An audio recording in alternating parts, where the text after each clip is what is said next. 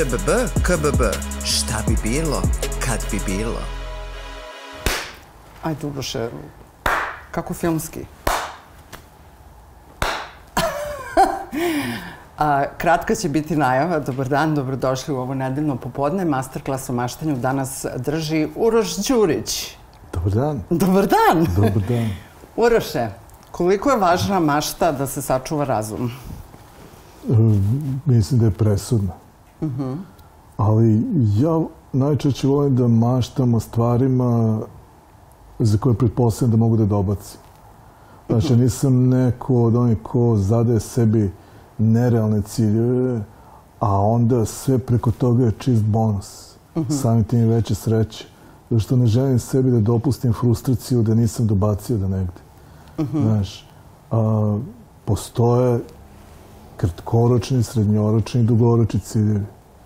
I uvek se ide ka tome da bi oni trebali da budu posledica određenog načina delanja. Mislim da je delotvornost veoma važna kao i, i delanje, jedna, jedna posvećenost uh, načina da se pred svega dostigne neki zamišljeni ideal u okviru onoga što si odabrao kao životni poziv. Uh -huh. Jer profesije mogu biti različite, ali naš poziv je ipak onaj jedan viši nivo uh, poistovećivanja profesije sa sobstvenom ličnošću i karakterom koji ti zapravo omogućava ono nešto što su kinezi davnih dana definisali, a to je da ne radiš ni jedan jedini dan.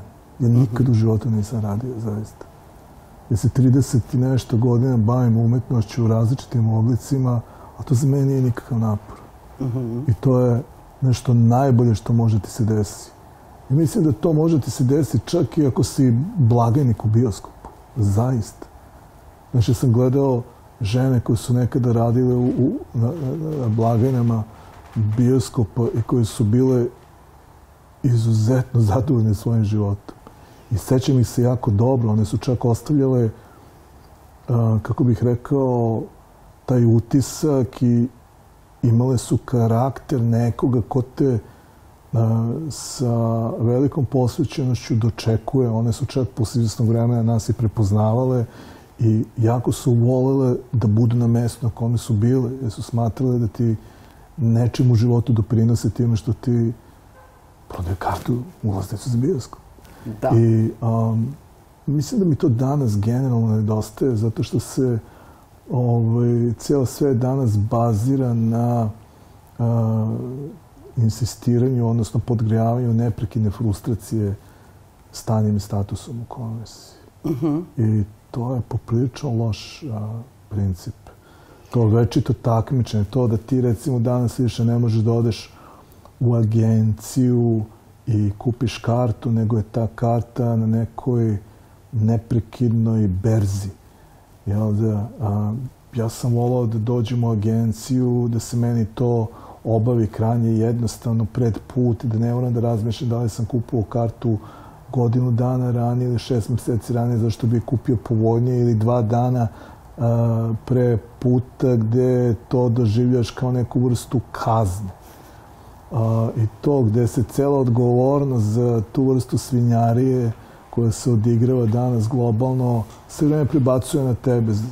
I, i, i to rađa u stvari jednu dodatnu frustraciju da ti nisi sposoban da razmišljaš u skladu sa vremenom, da, znaš, to stalno unižavanje čoveka ovaj, kroz oduzimanje a, tog jednog specifičnog servisiranja u kome i onaj ko ti servisira iskazuje određeno zadovoljstvo što to može da radi i ti koji prosto želiš da te neko servisira i spremno si da to platiš sa velikim guštom. Ovo danas je sve vreme kao da si na hipodromu i u neprekidnoj kladionici. Jel da? da. Za bukiranje hotela, za bukiranje putovanja, za bukiranje života i meni to sve ovaj, veoma ne prije. Pa meni se čini da je nekako da nas rihtaju na to da nikad nismo dovoljno dobri, da Nikad ne nismo zas- dovoljno lepi, nikad nismo dovoljno savršeni, Znaš, ja sad ako Sposobni. nisam u stanju da uradim špagu, nisam dovoljno frajer, ako nemam metar 90, jel da i pinhead i četvrta stolice, odmah sam, znaš, više nisam ni B, nego sam C kategorija frajera, ali se tu uvek nekako potire kao i ona stara istokratska vremena, ako uzimam, ako zauzimam jako dobar status, ništa mi je više bitno. E, Tako da se opet sve svodi na isto. jel? Da. To je na jednu obsesivnu jurnjavu za pre svega materijalnim dobrima koje će ti omogućiti u tom slučaju da imaš sve što znači da je današnji sistem pre svega sistem trgovine. Jel, ljudi ne razumeju ključnu razliku, a sve je u nazivu zaista ovaj, omenes nomen, je tako? Um, jedan sistem se zove socijalizam. I samim tim što se zove socijalizam, on ti već u samom nazivu kaže da je u njegovom, a, kako se to kaže, ideološkom obrazcu dobrobit društva. Socios, jel da, društva. A ovaj se zove kapitalizam. To znači da je u njemu najvažnije stečeni kapital i to kapital koji se obično nalazi u rukama individue.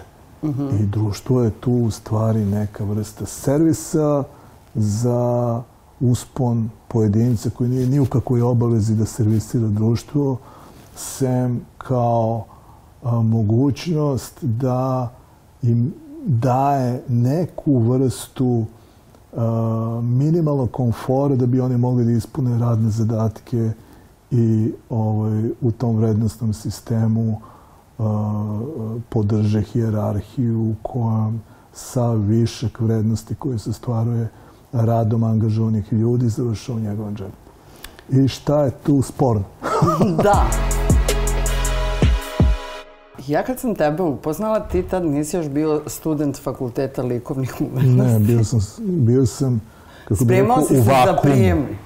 Nisam se čak ni spremao, spremao sam se da pronađem sobstveni život, da tako kažem. Da, što znači da je to bilo jako, jako, jako davno. To je bilo proleće 87. sećam se vrlo dobro. Ja sam tebe ugledao u leto 86.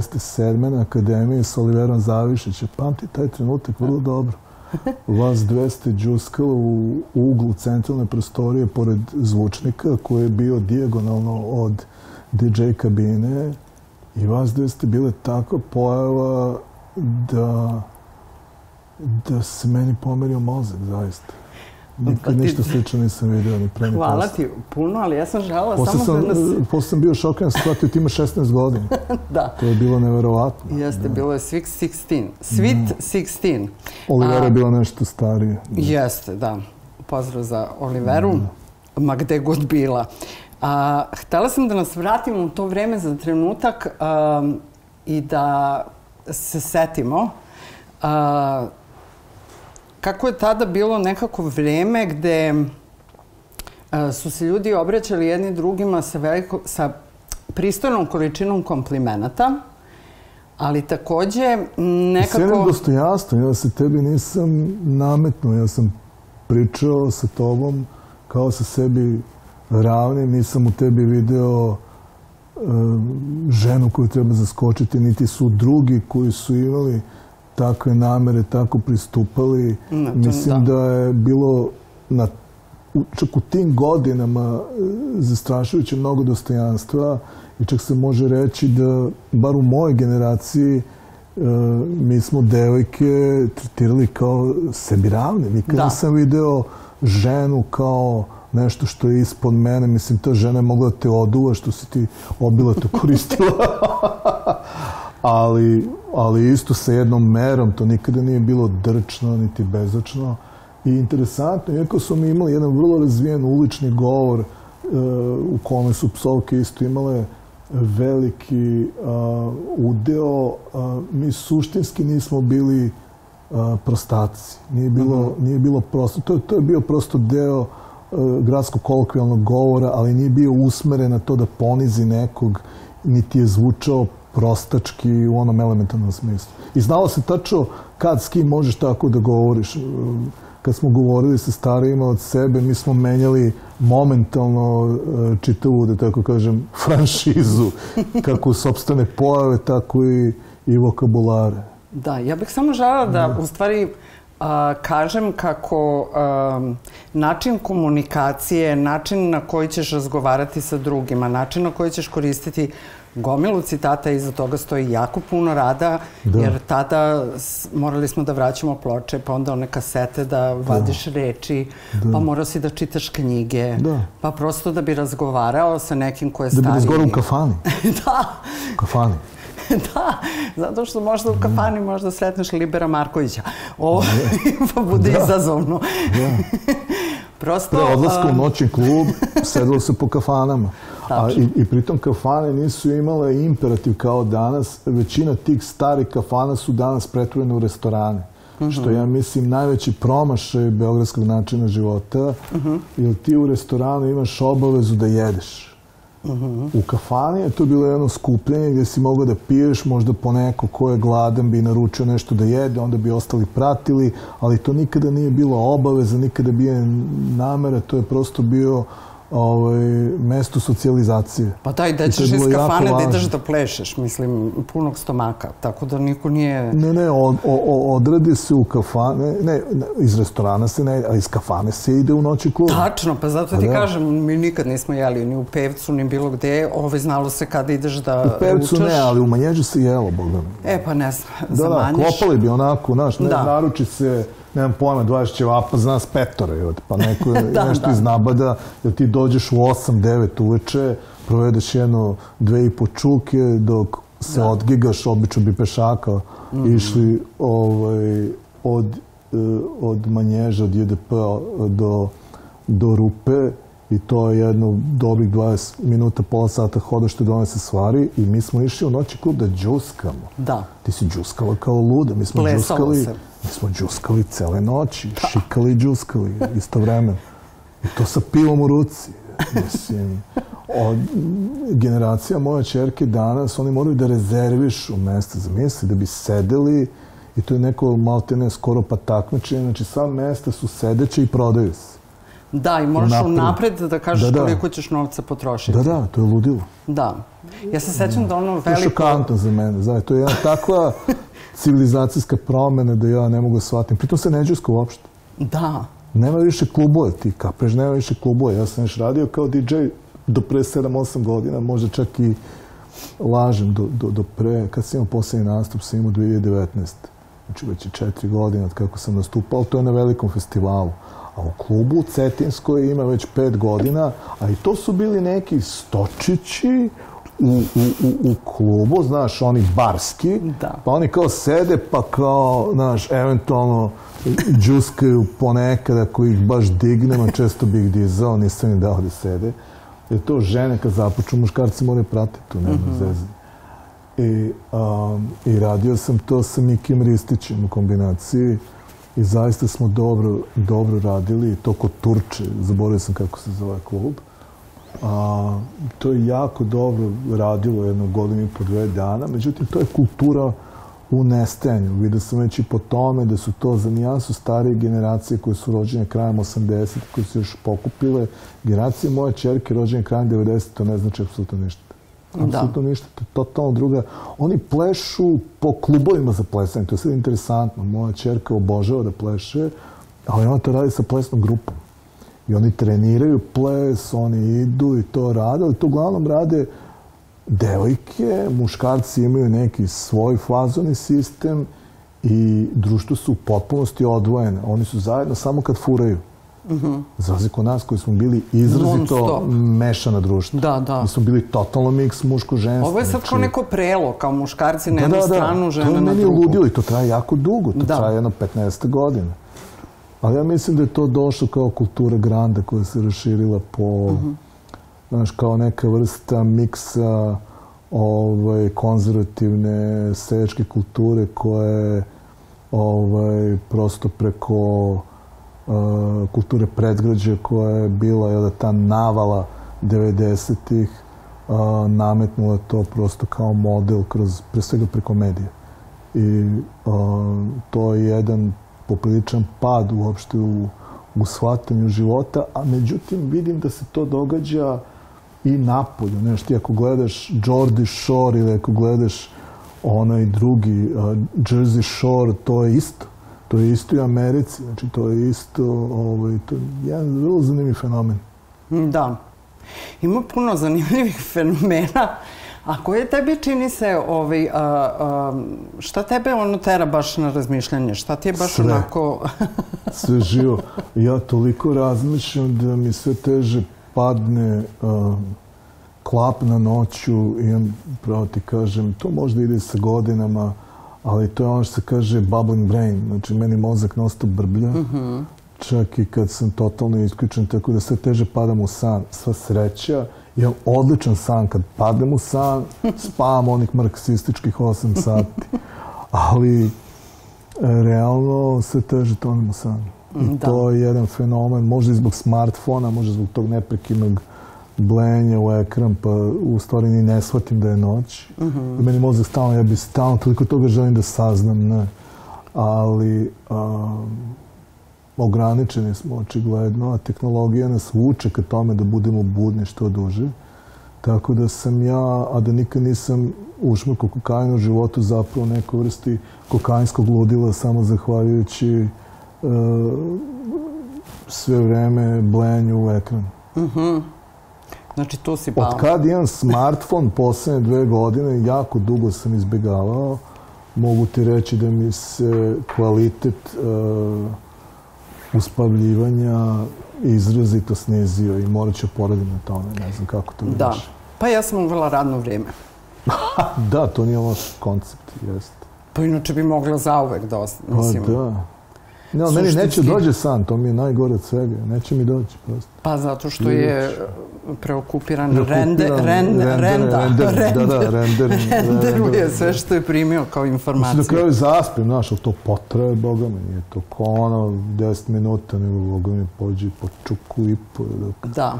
dok zaspim i tako. A, s obzirom da smo, eto, odrastali zajedno, formirali se zajedno, a, imamo ovaj grad u malom prstu, mada više Da. ne držimo ključeva ovog grada. Ne, to je ovaj, sad neki potpuno drugi grad. Da, da, da, to je sad Jesi potpuno- primetila koliko je prazan takozvani downtown? Mm. Od Slavije do Kalemegdana nema više nikakvih sadržaja. I to je fascinantno. Ti dođeš, evo ja sam bio nedavno, a, znači pre 3-4 dana, to je bio neki petak, subota, i sa Milanom sam išao kroz grad, a, koji je bio potpuno prazan, zato što više nema bioskopa, nema ko da izlazi iz bioskopa, nema više kafana, pola njih je zatvoreno, kolarac, plavac ne postoje, znaš, i tako, ruski car, ne, mislim, ne, jednostavno ih nema, imaš samo ove uh, franšize Springfield H&M koje rade do pola deseto kad se ili do deseto kad se zaturi. Nema nikog u gradu, nema klubova, nema ničega. Verovatno u Cetinskoj zanimljivo, a onda odeš recimo u shopping mall koji je prepun. Znaš, Da. I sad, meni je to jedna od najbizarnijih situacija da, da, da čitav ovaj grad u centralnim zonama zapravo nema sadržaja. I to je jedan od najluđih iskustava i to se dešava, boga mi, dobrih 5-6 godina. Da. Znaš, samo je sada izrazitije, a možda i duže. Da. Da. Tako da je to poprilično šokantna situacija. Zaista. Pa da, nekako si imao pre, znaš, čekali smo ove ljude koji žive negde van na Slaviji, pa se dovučemo do IDP-a, odgledamo predstavu ili smo u SKC-u svo vreme Tako ovog sveta. Nema, Žickamo- nema ljudi na ulici. Da, da, Znači, da. idemo u Makedonskom, uh, bio je četvrtak veče, znaš šta je bio neka četvrtak veče? To je bilo puno, prepuno je. Znači, mi od recimo, uh, i to je bilo neko udarno vreme, tipa pola osam, osam uveče, nije baš da svi gledaju dnevnik, jel da, koga briga. Ali u tom nekom, znači, pošto šetamo, jel da, sad smo u godinama kada nam šetnje najviše prije, onda opičemo po dva sata, znači između 8 i 10 uveče, četvrtak veče, nije bilo nikog. Znači, to je bilo potpuno grad, kako ti kažem, mislim, pustoš. Kao milionski grad. Nema nikog, jer nema sadržaja. Znaš, nekad si imala ovde Kosmaj, Beograd, bioskop, Kozaru, 20. oktobar, dve sale, Jadran, Zvezda. Balkan, Zvezda, i ljudi bi samo kuljali, znaš. Pa da. Imao si klubove Zvezda, Akademija, imao si od uh, Ristiće Godo Fest u Knez mm -hmm. Mihajlo gde su igrale ozbiljne predstave. Kako je miješanom zdanju, da. Pa da, tako da je bilo čega god hoćeš, mislim, samo je sa svih strana Znaš, A dobro, ali to je negde i ne, plan, koliko sam shvatila da. Vesića, da se ovo sve umre i da Studenski park postane uh, trospratna podzemna garaža. A jo. Tako da mislim da od Da, Slavije da do Kalemegdana da bude da, prazno. Kako od Beograda da napravimo Kruševac? Pa da, kao tu da budu hosteli, ovo onom, po neki drugstore, jako puno ovih. Znaš da ovde je kladionica pekara, kladionica pekara, Da, da, apoteka. kladionica pekara, A onda pa apoteka na tri sprata. I parfimerije. A nema više ni toliko parfumerija. pa čekaj, za nema još uvek tamo umesto jugoslovenske knjige parfimerija? Nema, nema. Ne znam da li je, ali videla sam na mestu gde je bilo nekada e, jedna od robnih kuća tamo a, kod Šumićevog sakačete na tri sprata apoteka. Evo, To robna kuća tata videla. i dalje ne postoji. Ne, nisam videla nikada Ovaj, apoteku na da, tri da. sprata. onaj ceo isto robne kuće Beograd, ceo onaj potez uh, gde je galerija Ulusa u Knez Mihajla preko puta Ništa Ceptera. tu isto. To ništa ne postoji, Da, to da. sve, to, znači ono... Pa ne, to neko sistematski radi. Pa da. Grad duhova. Ove, ali nisam samo zbog toga spomenula to da a, a, a, ključeve više a, ne posjedujemo. Ima onaj citat iz onog filma a, Moji idoli su mrtvi, a moji neprijatelji su na vlasti.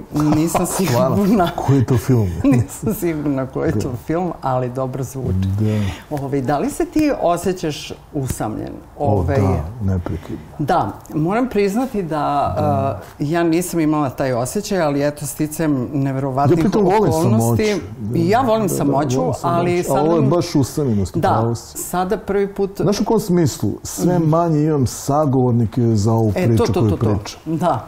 Znaš, ako pokrenem tu priču, ljudi me gledaju čudno, jer se ja suštinski ne žalim ni na što, ja samo konstatujem nešto. Da. A čini mi se da njima ta konstatacija na neki način, ne mogu kažem da im smeta, ali ih na nekom nivou uznemirava. Mm -hmm. što se osjećaju da su i sami na neki način potisnuli da bi neke stvari da bi preživjeli. I tako im odgovara. Mm -hmm. Znaš, da ne primećuju. Jer ovaj, vrlo su nezgodna vremena, zaista. Mislim da mi još uvek ne možemo da zamislimo razmere onoga što nas čeka i dobrog i lošeg u skoroj budućnosti.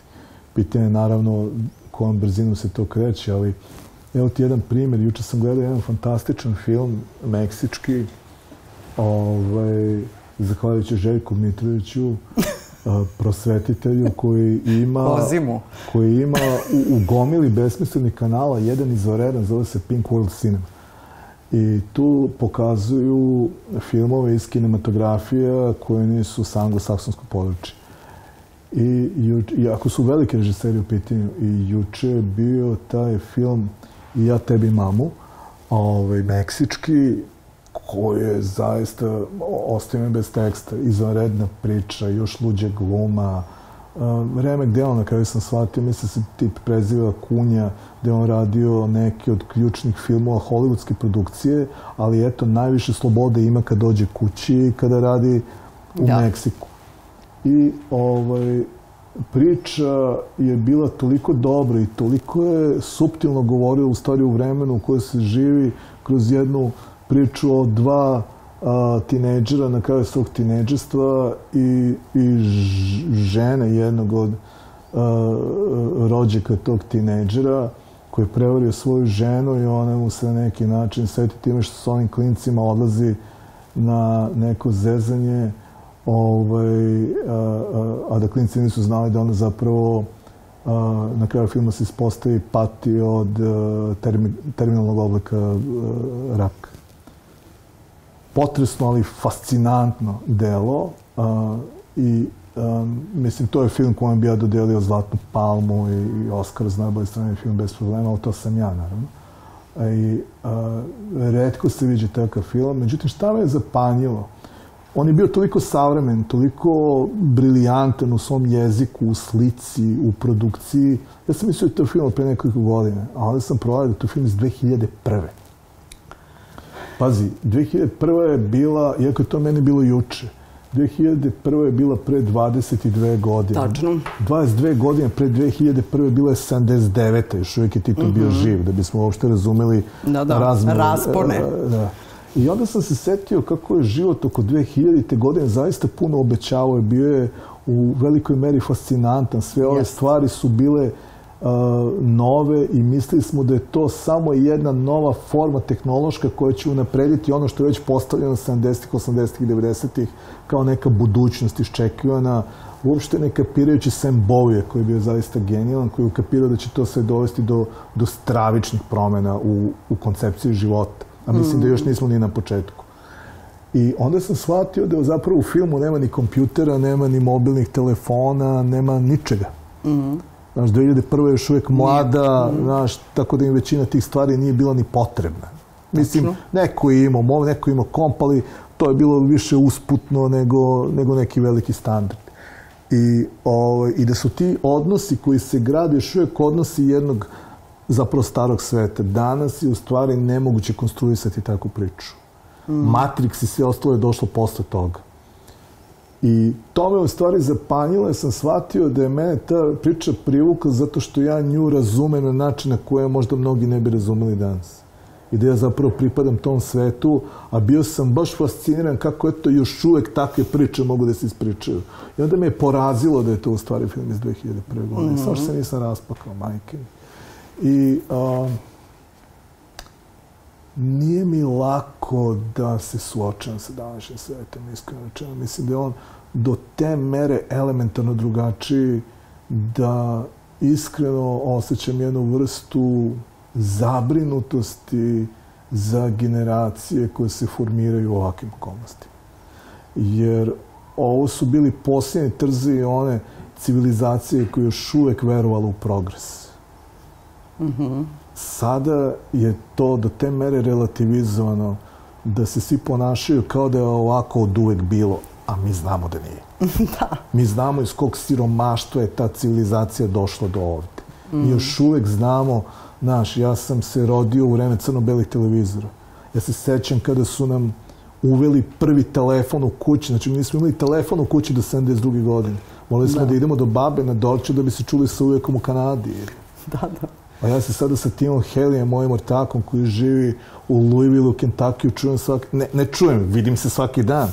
Mi tada, dok smo gledali Zvezdane staze, nismo mogli da zamislimo da ćemo mi to za našeg života moći da radimo najnormalnije, razumeš? Mm -hmm. On vozi negde, ide, ovaj, ima posao koji je dobio, treba da ovaj, snima neko, neke trke, ovi, kako se zovu, ovaj, motornih sanki u okolini Čikaga i onda on vozi, onda uključi, pošto mu dosadno kolima treba vozi 10 sati, da vidi šta radi.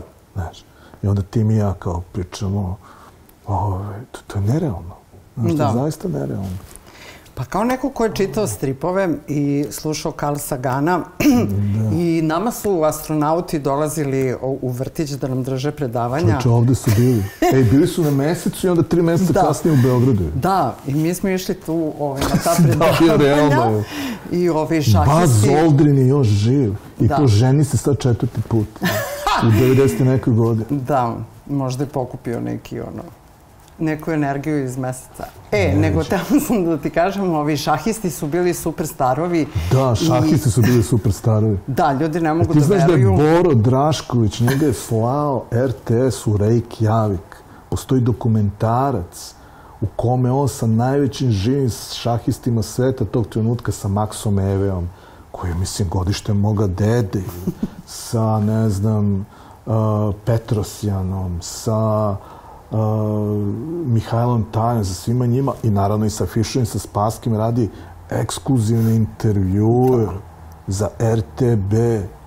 Znači, da. on je išao tamo, mislim, to je neverovatno. Ti ovako sada To, to je gotovo nesvatljivo. On je tamo boravio svih mesec dana, koliko se, ili mesec i po dana, koliko Da. se taj meč održavao i snimao autentični dokumentarac. Što je Za RTB. svakako bilo više seksi nego da je bio na Woodstocku. Mislim, to, to je Woodstock je imao... 72. godina, pazi, 50 godina.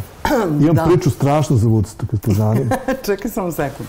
Htela sam ovaj, a, da, da ti kažem da smo i tad maštali da ćemo ono, a, biti kao barbarele, voziti leteće tanjire Da. i svi će nositi srebrne čizme. Ma ne znam da, zašto je to naravno. bilo.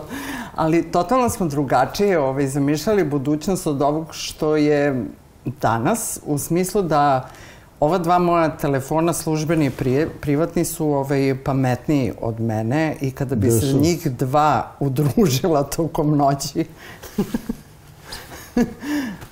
Čekaj, pogledaj kako su ljudi izgledali 68. Mislim, da li je ovo realno? Evo, mogu i oni da vide. da. 68. To je 55 godina od danas. Da. Meni oni izgledaju... Hoćeš da ispričaš priču o Me, Woodstocku? meni oni izgledaju savremenije... Da, nego- mnogi ljudi iz prošlosti izgledaju... Pogledaj. Pa ne, ti, kao Raquel Welch, kad vidiš one... To je ludilo. To je ludilo. O, To je ludilo. ili kad vidiš Brigitte Bardot ili već, mislim... Da, da. a, one su žene... Mislim, ove sve su stvarno super lepotice. Moja baba i njene drugarice su gledali spektakl sa onim Da.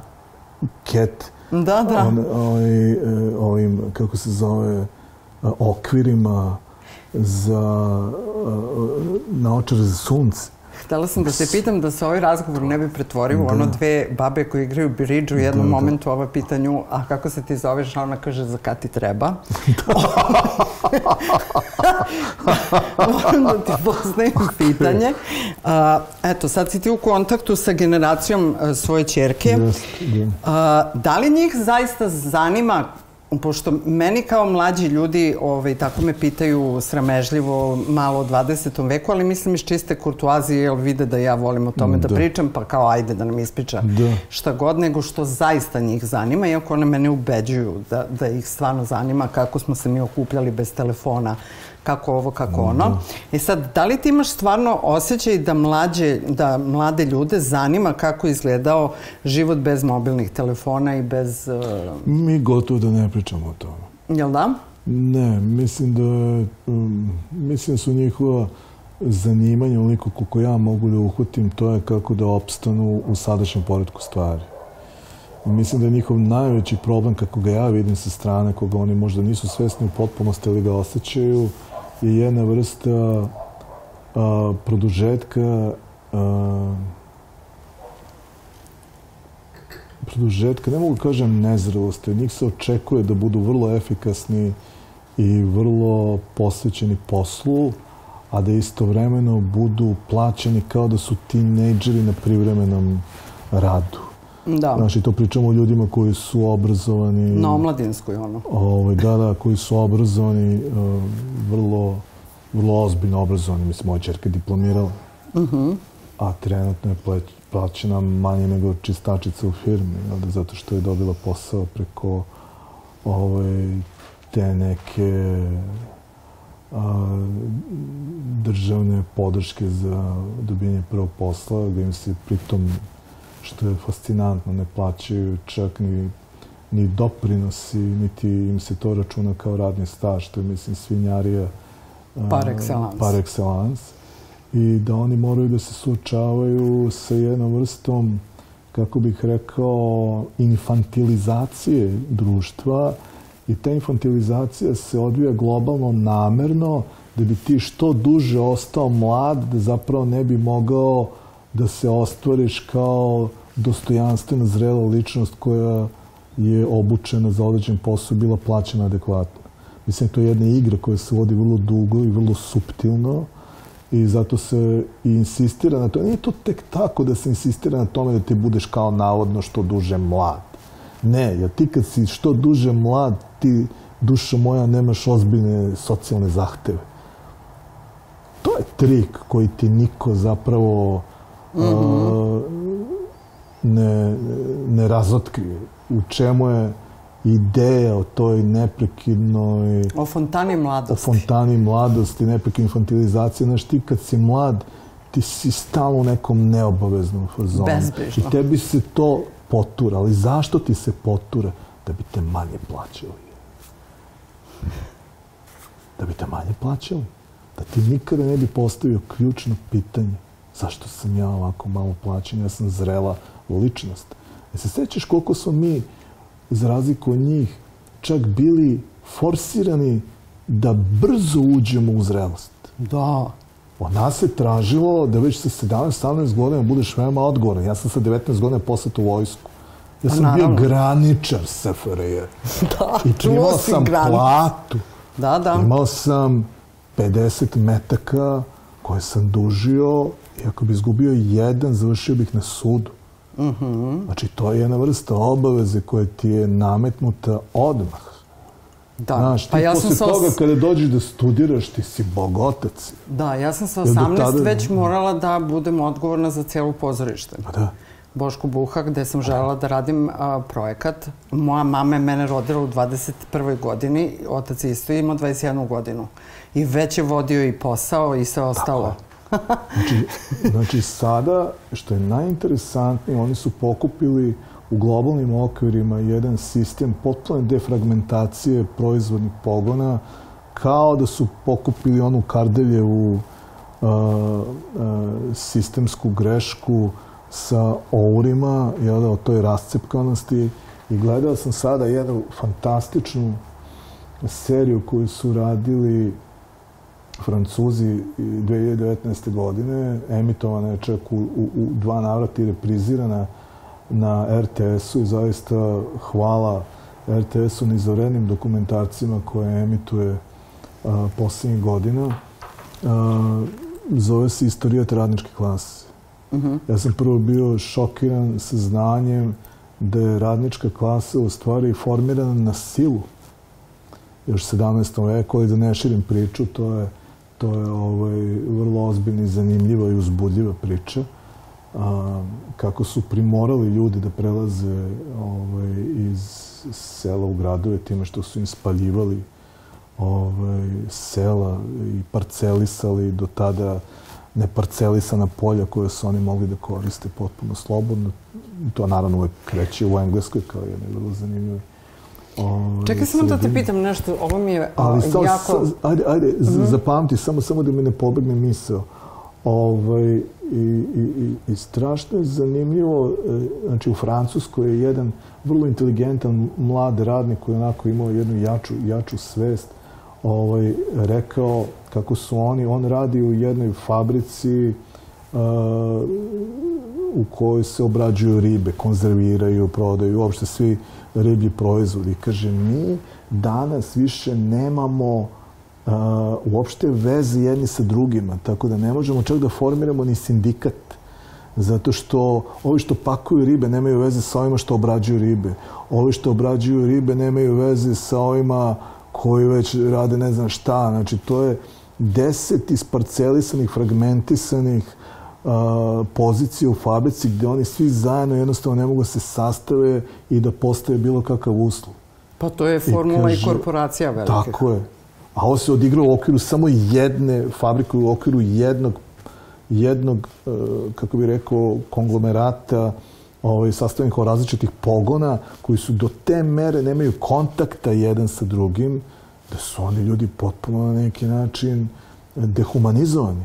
I to, ta dehumanizacija je u stvari jedan fenomen. Da se vratimo na to što. Htela sam da te pitam, a, a sad mi je nešto ovaj, sinulo to da si što duže mlad i onda tebi to kao godi, ovaj, Mene da sam ja sam kao godi. mlada, mlada, m, ne hoću da, da... I onda sam shvatila zašto je kod nas mlad glumac 40+, plus, To je potpuno sumanuto. Ovaj, a i Ksenija, a, tvoja agentica, ove, i vlasnica, da, galerijskinja i vlasnica X vitamina, ove, je rekla da ona ima jako veliki problem da objasnim ljudima da ti nisi mlad umetnik. Ja imam 58 godina, zamisli. Da, I nadživao sam svoju majku koja je umrla kao stara žena. Da. Ja sam nadživala svog oca, to je posebna tema, Isto, kada, da. kada shvatiš da Tako si je. da kad bih ja srela svog oca, ja bih sad u ovom momentu bila 7 godina starija od To njega. je fascinantno. da. To je jedna metafizička Da, tema, jest, ali sad sam ukapirala zašto u stvari a, znaš, kao mlad, mlad, mlad, pa nisam više mlad, ja sam zreo i sad hoću da naplatim svoje iskustvo, ali imam potrebe. Ne samo to, nego ja radim sada zaista izvanredno. Pa da, pa naravno. Zaista radim izvanredno. Mislim, dostigao sam neke standarde i ja, slično ovom momku u koga su uperene ovaj, kako bih rekao, svetla, sva svetla ovoga sveta koji nas predstavlja na najbolji mogući način svuda i, i koji, nažalost, zbog svega toga biva dodatno i demonizovan. Ali on ima jedan izvaredan princip koji je jedini ispravni princip, bez obzira na uspeh, a, njega zanima da vidi gde još može da se poboljša. Mislim da je to mene zanimalo kroz ceo moj život i to je ta vitalnost koja je ključna u pristupu poslu da još uvijek nije gotovo.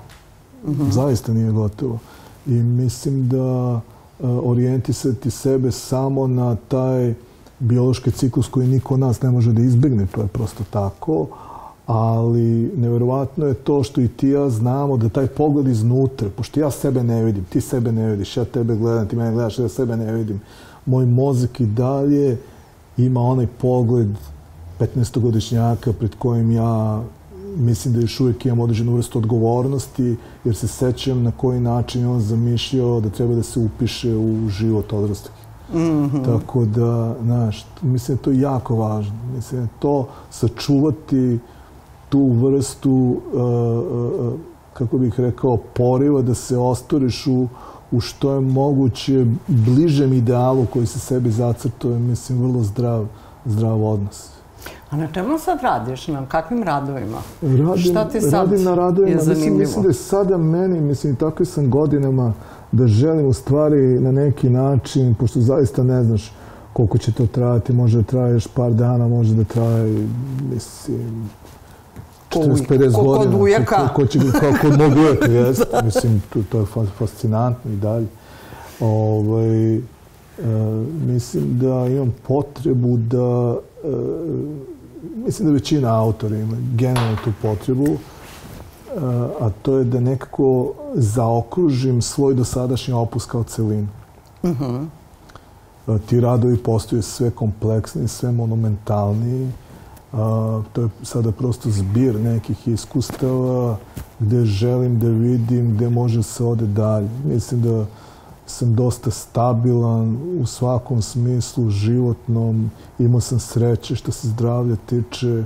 Imam sreće da sam još uvek ono, e, kako bih rekao, u nekoj svojoj vertikali neokrnjen i da imam još uvek neke mogućnosti. Nisu senzacijalne mogućnosti, ali s obzirom na to u kakvoj sredini živim i šta sam uspeo da ostvarim odavde i izvan granica, a, mi daje za pravo da, da mogu sebi da dopustim jedan takav a, zahtev. Znaš, nije lako, a, volao bih da mogu sebi da omogućim neki izazovniji prostor za rad.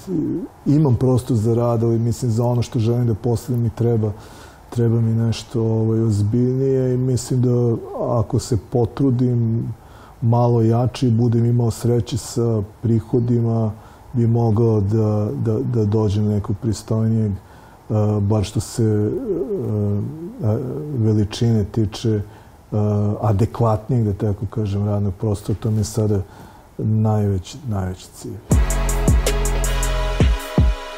U ovim milionima kvadrata, u jednom momentu kad celo ovo, ovaj bubble ovaj, pukne, pošto previše ničega a, pući mora, Da. a, ja mislim da nas očekuje jedna vrlo uzlazna putanja što se tiče a, praznih prostora za razne ono, komune, za razne neke stvari, Da. zato što potpuno je nevjerovatna ova količina miliona kvadrata, vrlo loše gradnje koje će u jednom momentu ovaj, licenc, ono, osiguranje prestati. Tako da, da li ti veruješ u distopijski uh, uh, ono happy end. Kako da objasnim to? Ne, ne, ne, ne. Ili ne, misliš ne, da ne, će ne, ne. svi živjeti A, bogati vidi, i vidi, srećni vidi, vidi, a, do kraja mislim, života? a- ako pogledaš malo standardi tehnologija kao i, i standardi tehnologije vladavine, standardi tehnologije civilizacije a, su nešto što se menja od uvek. Ali ljudska priroda ne. Inače, um, ne bi antičke drame bile aktualne dan danas. A, tako da, ako sam nešto naučio, naučio sam da treba prosto pronaći model kako izaći na kraj sa dva zahteva. Prvi zahtev je prilagoditi se da bi preživeo, a drugi i, mislim da je to osnov inteligencije i opstanka istovremeno.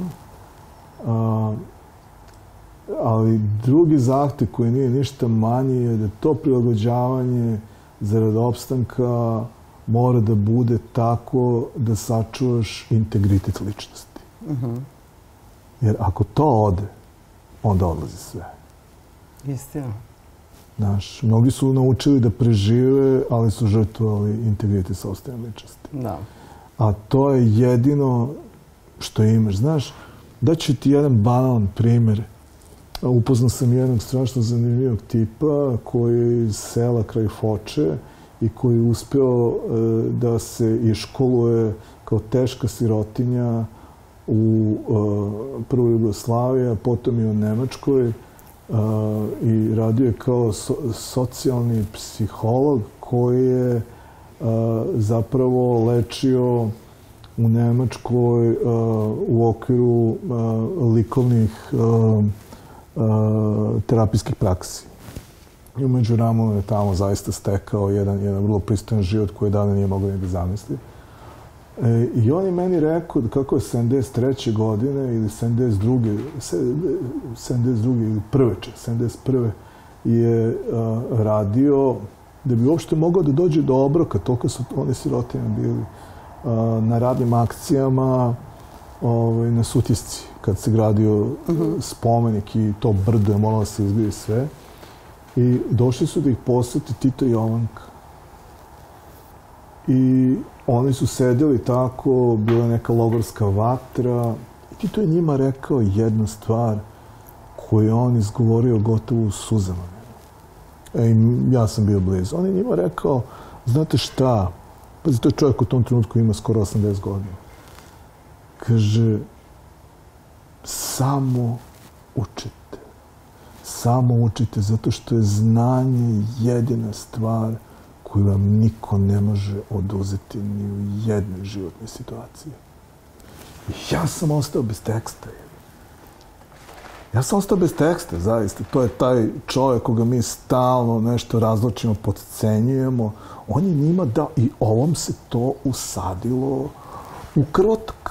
I on je sebe bacio na učenje i iz tog sela te teške sirotinje fočanske završio sa jednim fantastičnim prostorom u okolini Minhena, gde ima sad i svoje atelje, gde radi, on je sad čovjek od skoro 65-70 godina. Ovaj, ali to su poruke koje su ti tadašnje vladajuće nomenklature slale. Mislim, to je jako važno razumeti. Znači, znanje je nešto što ne može niko ti oduzeti. Mogu ti oduzmu slobodu, mogu ti oduzmu materijalne sredstva, mogu ti... ali znanje nema načina da ti bilo ko oduzme. I to je najveća moć. I to je ono što ti pomaže u stvari da ostvariš uh, u potpunosti svoju ličnost. To je fantastična stvar.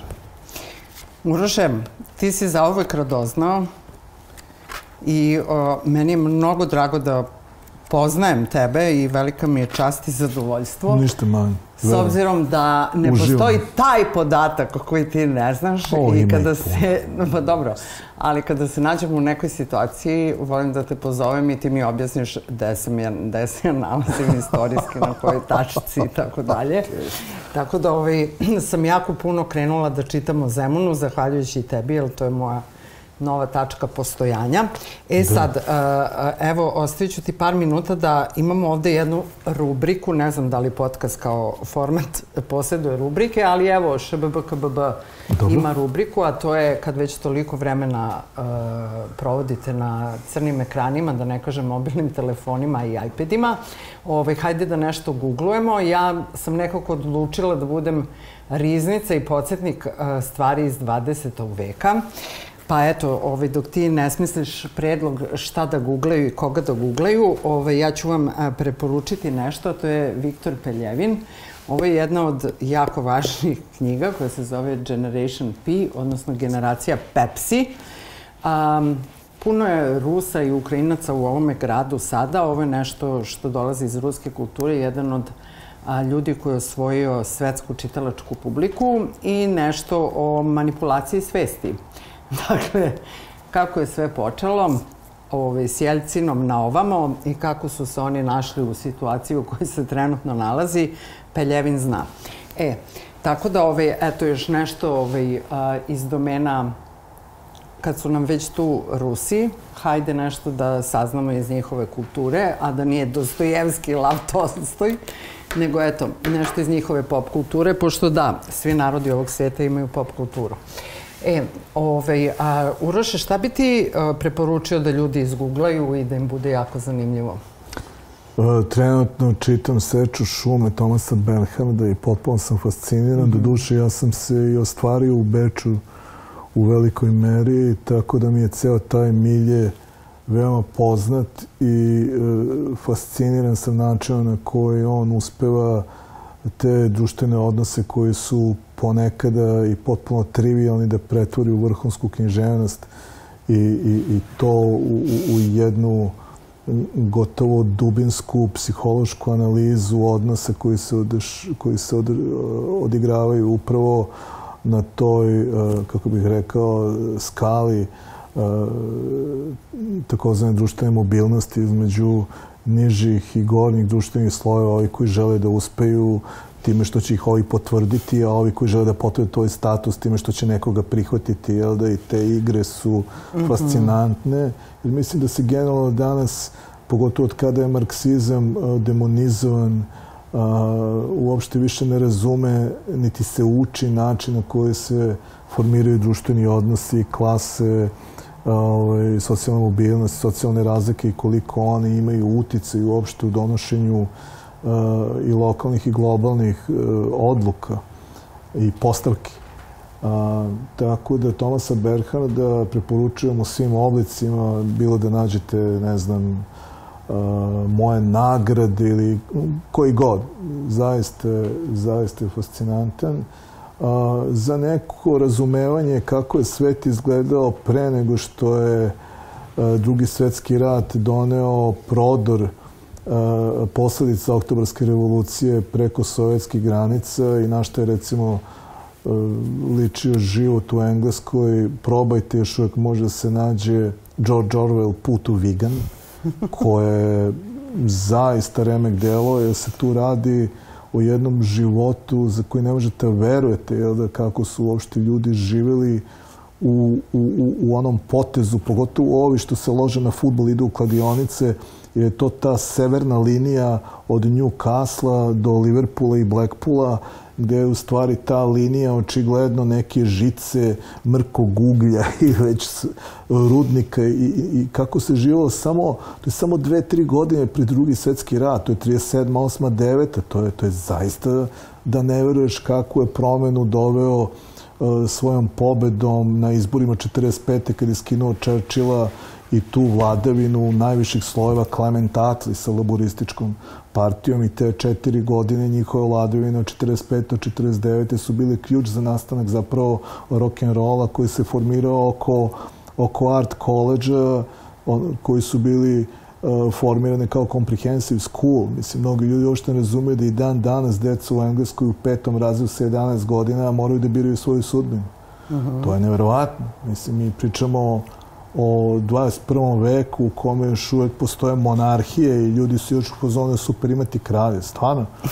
ovaj, mislim, Čekaj, koliko znaš, smo stari da je čak, smo doživali da kralj bude Charles? Eto te. Ali nije to što smo mi doživali, nego što je on doživeo. e. A, znači, put u vegan i, i, i ovaj, ako je neko zainteresovan za nešto što nije literatura, ovaj, tog tipa, preporučio bih, iako više ne može da se nađe, ali kogod voli Srbiju i želi da razume Srbiju, a da ne čita samo isključivo priče o Srbiji tokom uh, ratne istorije, treba da dođe do briljantne, uh, ima da se nađe na Kupindovu ili kupujem, prodajem, do, do briljantne studije Marije Žanin Čalić i e, socijalna istorija Srbije od 1815. do 41. godine. Mislim, je to kapitalna knjiga, zaista kapitalna knjiga. Kogod želi da razume uh, razvoj srpskog društva kroz upravo razvoj uh, socijalnih odnosa, mimo jel da, ratnih priča i ostalih. Znači, jako važno, jako važno. Za kraj, moram nešto ovaj, da te pitam, ne da moram, nego želim. A, da li... A, da li postoji nešto seksi što tebe zanima? O, žene, uvek. I, i, I to, ovaj, i to svih uzrasta i najrazličitih mogućih um, um, karakteristika ali mislim da to više ima veze sa umetnošću. Ja, ja prosto volim, mislim, meni su žene bile fascinantne od malih nogu. Ja ih prvo nikada nisam doživljavao kao bića uh, koje nisu ravnopravne. Mislim, to je sad jedna nova priča koja koja uzima sve više maha. Moram nešto da te pitam kao čoveka koji A... veoma zna zlatni presek a, prosto baviš se slikarstvom. Da. Ovaj, a, ne znam da li si primetio, ali da sada žene a, a, i doživljavaju neki morfing, ovaj, a to je da im se skraćuju strašno nosevi. Mm -hmm. a, a o čemu se tu zapravo radi? Pa mislim da to severnjački koncept lepote koji je prosto uzeo a, maha kao neki univerzalni ideal preko svih tih stripovskih ideala od Lare Croft pa nadalje. Ovaj, mada ja lično, bar kad su karakteri u pitanju da sam mesto Brad Pitta nikad ne bi napustio Jennifer Aniston, mislim, to nema greške. Mislim da ćemo ovim završiti naših sat vremena. Hvala ti puno. Naravno. Da li a, u martu si na grupnoj izložbi u X vitaminu sa neprimerenim Svakako. sadržajima? Da, da. Mislim da smo je pomerili za april. E, zato što je zgodniji, kudi kamo zgodniji dakle, i, i, i za nas važniji trenutak, zato što dolaze neki veoma važni galeristi e, na jedan simpozijum i e, prosto je važno da, da umetnici X vitamina budu u tom trenutku prisutni. Dakle, april, neprimereni sadržaj. Da, da veoma dobra da. tema, sočna i masna i Absolutno. ključna. Da, da, pa to je ono sa čime se mi suočavamo u svakodnevici. Jel da? To je da li da si ti imao se... problem sa Instagramom? Kako da, da ne? Još više sa Facebookom. Sa Facebook je, da. da, da. Ovaj, sa Instagramom još i džene džene, ali sa Facebookom gotovo redovno.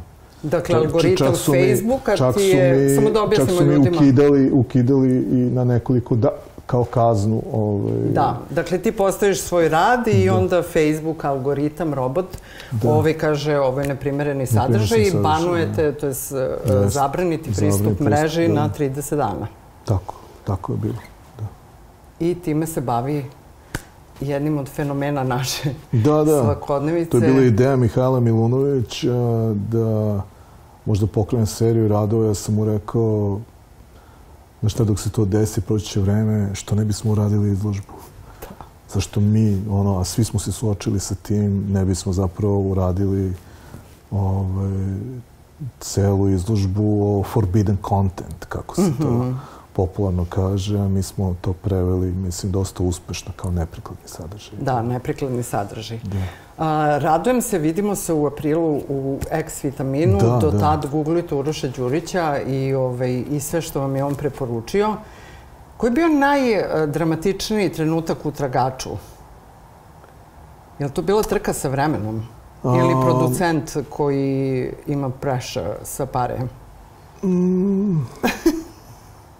Znaš šta, mislim da je to splet različitih okolnosti zbog kojih sam na kraju odlučio da posle pet sezona moja uloga koja je pre svega bila i u najvećoj mogućoj meri promotivna, da pokažem da a, znanje može da bude vrhunska zabava.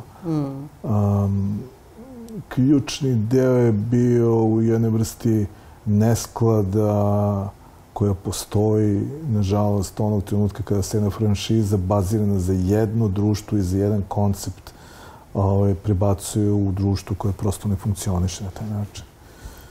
Ja nisam mogao da se uskladim sa tim i zato sam rekao da je možda bolje to prepustiti nekom drugom. Ali pet sezona. Pet sezona, da, da. Svaka čast na tome. Nema na čemu. A, to je bio moj omiljeni kviz a, što se tiče UK, To je i dalje a onda... Da, da, pa UK, pre svega UK. Da, mislim, jeste. Ove, lovac. Da, da. Ove, I mnogo mi je drago da, eto, da i dan danas postoji kod nas. Um, Da, ja sam jako srećan što je uspeo istinski. Da, Zaista, da, da, želim da, im da. apsolutno sve najbolje. Sve najbolje. Ove, hvala ti puno do našeg nekog novog susreta. Sad idemo na kafu. A vama hvala što ste još jednu nedelju proveli sa nama. Ovo će biti jedan veoma filozofski sadržaj koji ćete vi sa zadovoljstvom kao neku Zabavni sadržaj. kompleksnu ovaj, formu torte a, morati polako i lagano da jedete. Nije sve za konzumaciju Žerbo. dok je vruće. Kao žerbo. Žerbo Da. može se jede brzo. Da, ili ona šampanj sa malinama. Da. Tako da to mora da se kusa i da se ovaj, pusti, da se svaki zalogaj otopi. Tako da će ovo biti epizoda iz više gledanja. Uroše, hvala ti. Hvala ti. A mi se vidimo sledeće nedelje a, na istom mestu, a, dakle portal nova.rs i YouTube kanal Nova S, gde postoje sve epizode Luna Parka, kao i ŠBB, KBB serijala podcasta. A tu smo i na svim podcast a, platformama. I sad jedan bonus, u sledećoj epizodi doći će Marija Kilibarda, tako da vas pozivam da Jo, uživate. Hoću. Ove, Ona je tako da neverovatno će- draga. Da, ona je jedna Da. super e, sposobna Da, devojka izuzetno, koja će nam da. svašta ispričati o svojoj mašti. Ja vas pozdravljam, doviđenja, prijetno. Doviđenja. Doviđenja.